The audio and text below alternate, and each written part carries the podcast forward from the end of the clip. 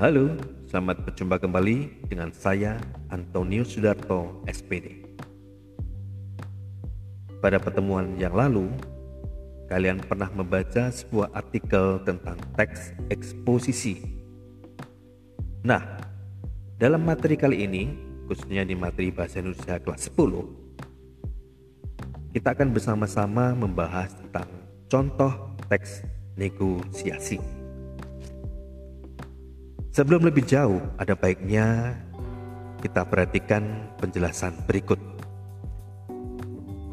Dalam kehidupan sehari-hari, tentunya kalian tidak bisa lepas dari proses negosiasi.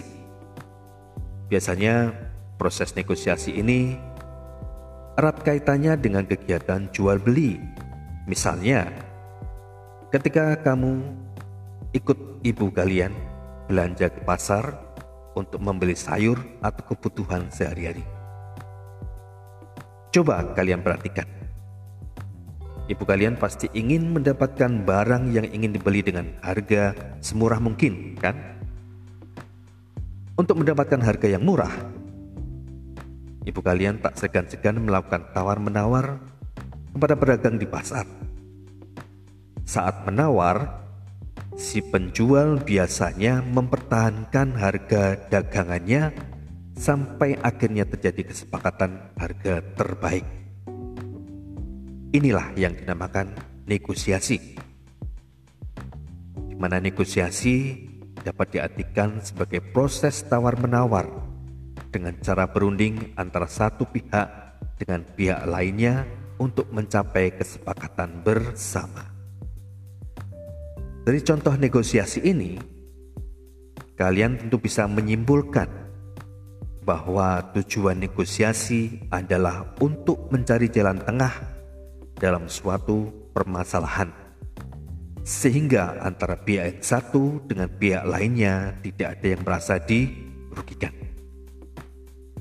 Dari sana, kemudian kita bisa memberikan pengertian dari teks negosiasi.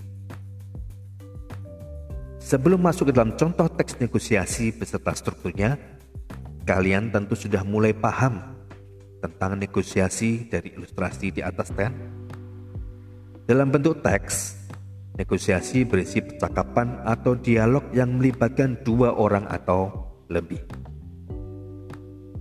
Orang yang terlibat dalam teks negosiasi bertujuan untuk mencari solusi dari sebuah masalah yang kemudian disepakati bersama yang tentunya kita juga harus mengetahui secara lebih jauh ciri-ciri dari teks negosiasi.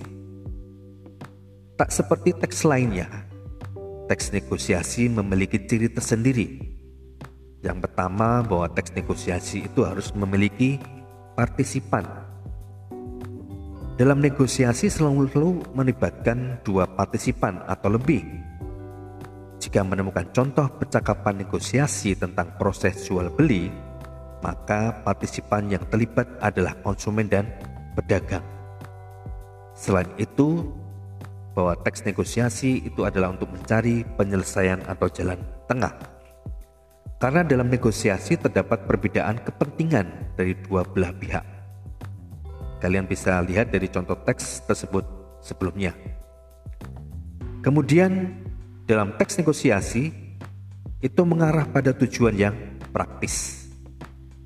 Artinya bahwa dalam negosiasi tentu memiliki tujuan yang jelas, yaitu untuk menawar sesuatu kepentingan apa pun yang dinegosiasikan pasti mengarah pada tujuan praktis yaitu tawar menawar.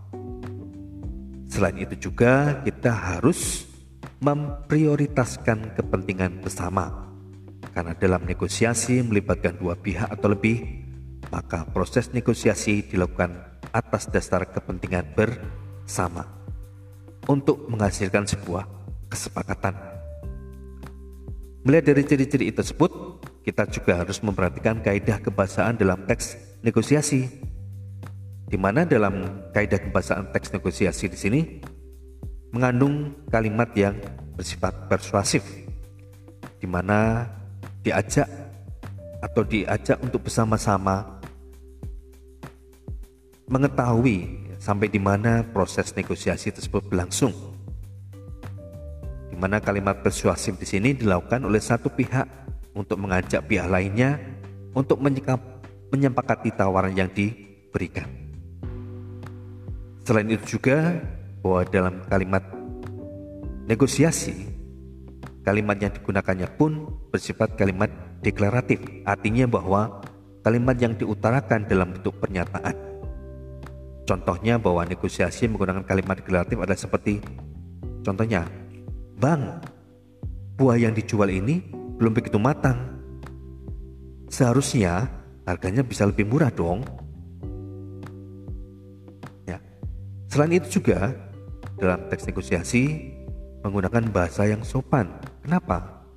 Agar proses negosiasi berjalan lancar tentunya bahasa yang digunakan harus mengutamakan kesopanan. Hal ini dilakukan untuk mengurangi kesalahpahaman dalam komunikasi. Contohnya, bahasa yang sopan biasanya dimulai dengan kata tolong, silakan, boleh, maaf, dan lain sebagainya. Contohnya seperti ini. Boleh kakak silakan dilihat dulu barangnya kok. Bisa dinego loh. Ya. Selain itu juga terdapat kata penghubung atau konjungsi di mana kata penghubung atau konjungsi yang digunakan dalam contoh percakapan negosiasi biasanya berupa kata kalau, begitu, meskipun, walaupun, dan sebagainya. Misalnya pada kalimat ini. Walaupun barang ini buatan lokal, tapi desain dan bahannya cukup oke okay loh pak. Tentunya bahasa yang digunakan selain itu juga harus mengutamakan kalimat yang efektif. Di mana kalimat efektif yang dimaksud di sini adalah kalimat yang singkat, padat, jelas dan lengkap. Di mana kalimat efektif digunakan agar informasi yang disampaikan benar dan tepat sasaran. Misalnya, saat kalian ingin membeli sebuah barang, anggap saja harganya 100 ribu. Namun harga yang ditawarkan kamu anggap terlalu mahal. Maka gunakanlah kalimat efektif seperti misalnya, bisa kurang tidak pak? Bagaimana kalau 50 ribu saja? Nah, selain itu juga bahwa dalam sebuah kaidah kebahasaan teks negosiatif menggunakan kalimat perintah atau yang bersifat memerintah. Selain itu juga menggunakan kata ganti atau pronomina, kemudian berisi pasangan tuturan. Yang dimaksud di sini adalah dialog atau percakapan yang terjadi antara dua orang atau lebih. Kemudian secara garis besar, struktur dari teks negosiasi itu dibagi menjadi beberapa. Yang pertama adalah orientasi di mana orientasi pada struktur teks negosiasi berisi kalimat pembuka atau ucapan salam. Fungsinya adalah untuk memulai proses negosiasi. Kemudian yang kedua, permintaan. Permintaan pada struktur teks negosiasi berupa suatu hal yang dibutuhkan atau yang dirundingkan. Misalnya berupa barang atau jasa yang ingin ditawarkan oleh pembeli.